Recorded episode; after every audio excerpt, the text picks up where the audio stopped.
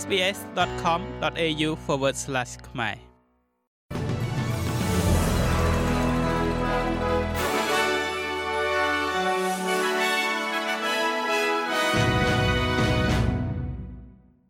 ចាសសូមស្វាគមន៍មកកាន់នេតិព័ត៌មានខ្លីៗរបស់ SBS ខ្មែរសម្រាប់ការផ្សាយនៅថ្ងៃច័ន្ទទី23ខែតុលាឆ្នាំ2023 លោកនាយករដ្ឋមន្ត្រី Anthony Albanese នឹងជំរុញឲ្យមានការវិវត្តលើកិច្ចព្រមព្រៀង AUKUS នៅពេលដែលលោកជួបជាមួយនឹងប្រធានាធិបតីអាមេរិកលោក Joe Biden ដើម្បីពិភាក្សាគ្នាអំពីបញ្ហាតំបន់ Indo-Pacific នៅថ្ងៃនេះ។លោកនាយករដ្ឋមន្ត្រីបានធ្វើដំណើរទៅកាន់ទីក្រុង Washington កាលពីថ្ងៃអាទិត្យសម្រាប់ដំណើរទស្សនកិច្ចផ្លូវការរយៈពេល4ថ្ងៃទៅកាន់សហរដ្ឋអាមេរិក ដែលជាជំនួបលើកទី9រវាងមេដឹកនាំទាំងពីរចាប់តាំងពីជ័យជំនះការបោះឆ្នោតរបស់លោក Albanese ក្នុងឆ្នាំ2022លោក Albanese បានប្រកាសថាលោកនឹងធ្វើដំណើរទស្សនកិច្ចនៅទីក្រុងប៉េកាំងនិងទីក្រុងសៀងហៃក្នុងខែវិច្ឆិកាដែលជាដំណើរទស្សនកិច្ចលើកដំបូងរបស់នាយករដ្ឋមន្ត្រីអូស្ត្រាលីទៅកាន់ប្រទេសចិន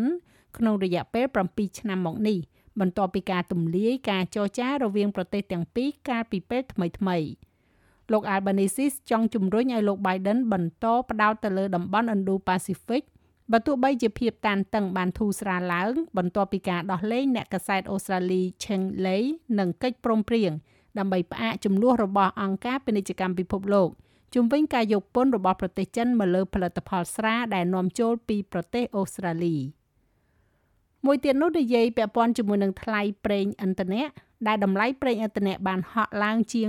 7%ក្នុងរយៈពេល3ខែដល់ខែកញ្ញានេះដែលបង្កើនសម្ពាធទៅលើក្រុមគ្រួសារអូស្ត្រាលីកំពុងតែប្រឈមទៅនឹងវិបត្តិថ្លៃចំណាយទៅលើការរស់នៅស្រាប់ទៅហើយនោះ។ហេរ៉ាញឹកសហព័ន្ធរំពឹងថាការកើនឡើងនេះនឹងបន្ថែម0.25%ទៅលើអតិផរណាសម្រាប់ត្រីមាសខែកញ្ញា នៅពេលដែលតួលេខសន្ទុះថ្លៃទំនិញប្រើប្រាស់ចុងក្រោយបំផុតចេញនៅក្នុងសប្តាហ៍នេះគេក៏រំពឹងផងដែរថាចំនួនរវាងអ៊ីស្រាអែលនិងក្រុមហាម៉ាស់នៅមជ្ឈិមបូព៌ានឹងធ្វើឲ្យឡើងថ្លៃបន្ថែមទៀតនៅតម្លៃប្រេងពិភពលោកប៉ុន្តែនឹងមិនត្រូវបានចាប់យកនៅក្នុងទិន្នន័យអតិផរណាខែកញ្ញានេះនោះទេ។តួលេខពីការិយាល័យស្ថិតិអូស្ត្រាលីនឹងត្រូវបានគេត្រួតពិនិត្យនៅមុនកិច្ចប្រជុំអត្រាការប្រាក់របស់ធនាគារកណ្ដាលនៅថ្ងៃពុធទី23ខែតុលាខាងមុខនេះ បន្តមកទៀតនេះគឺពាក់ព័ន្ធជាមួយនឹងការបោកប្រាស់ការងារឬហៅថា job scams ប្រជាជនអូស្ត្រាលីកំពុងត្រូវបានគេព្រមានឲ្យប្រុងប្រយ័ត្នចំពោះការបោកប្រាស់ការងារដោយការខាតបង់គិតចាប់តាំងពីខែមករាឆ្នាំនេះឈានដល់20លានដុល្លារហើយ។រដ្ឋមន្ត្រីសេវាកម្មហិរញ្ញវត្ថុលោក Steven Jones មានប្រសាសន៍ថា មជ្ឈមណ្ឌលជាតិប្រឆាំងនឹងការបោកប្រាស់បានរាយការណ៍ថាមានការកើនឡើងជាង740%នៅក្នុងការបោកប្រាស់ការងារក្នុងឆ្នាំ2023នេះ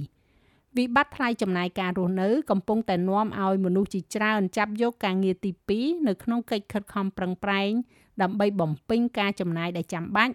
ដោយមានការផ្ដល់ជូនមិនពិតជាច្រើនដែលត្រូវបានផ្សព្វផ្សាយសម្រាប់ទូនាទីដែលអាចធ្វើបាននៅផ្ទះ លោក Jones មានប្រសាសន៍ថាការកើនឡើងគួរឲ្យកត់សម្គាល់នៃអ្នកបោកប្រាស់ដែលក្លែងបន្លំជាស្ថាប័នពិតប្រាកដ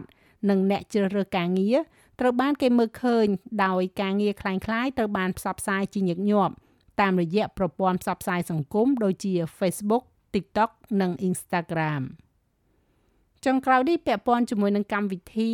app សម្រាប់ភ្លើងឆេះព្រៃដែលយើងហៅថា Boost Fire app កម្មវិធី app ថ្មីមួយត្រូវបានចេញផ្សាយដែលអនុញ្ញាតឲ្យប្រជាជនអូស្ត្រាលីយល់ពីហានិភ័យភ្លើងឆេះព្រៃដែលបង្កឡើងចំពោះទ្រព្យសម្បត្តិផ្ទះសម្បែងរបស់ពួកគេ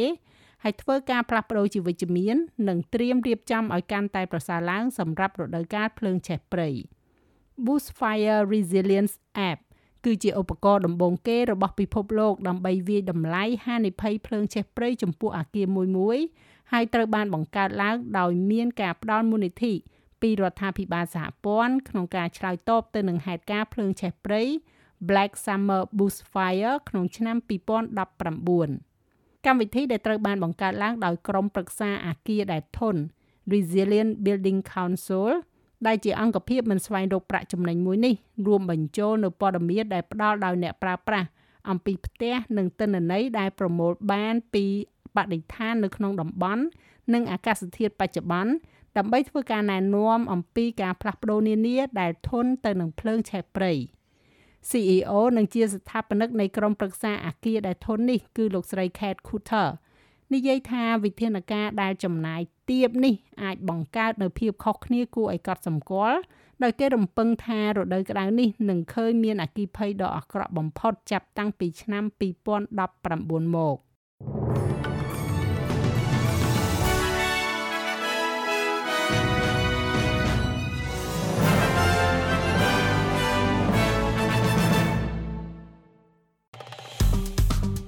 ចុច like share comment និង follow SBS ខ្មែរនៅលើ Facebook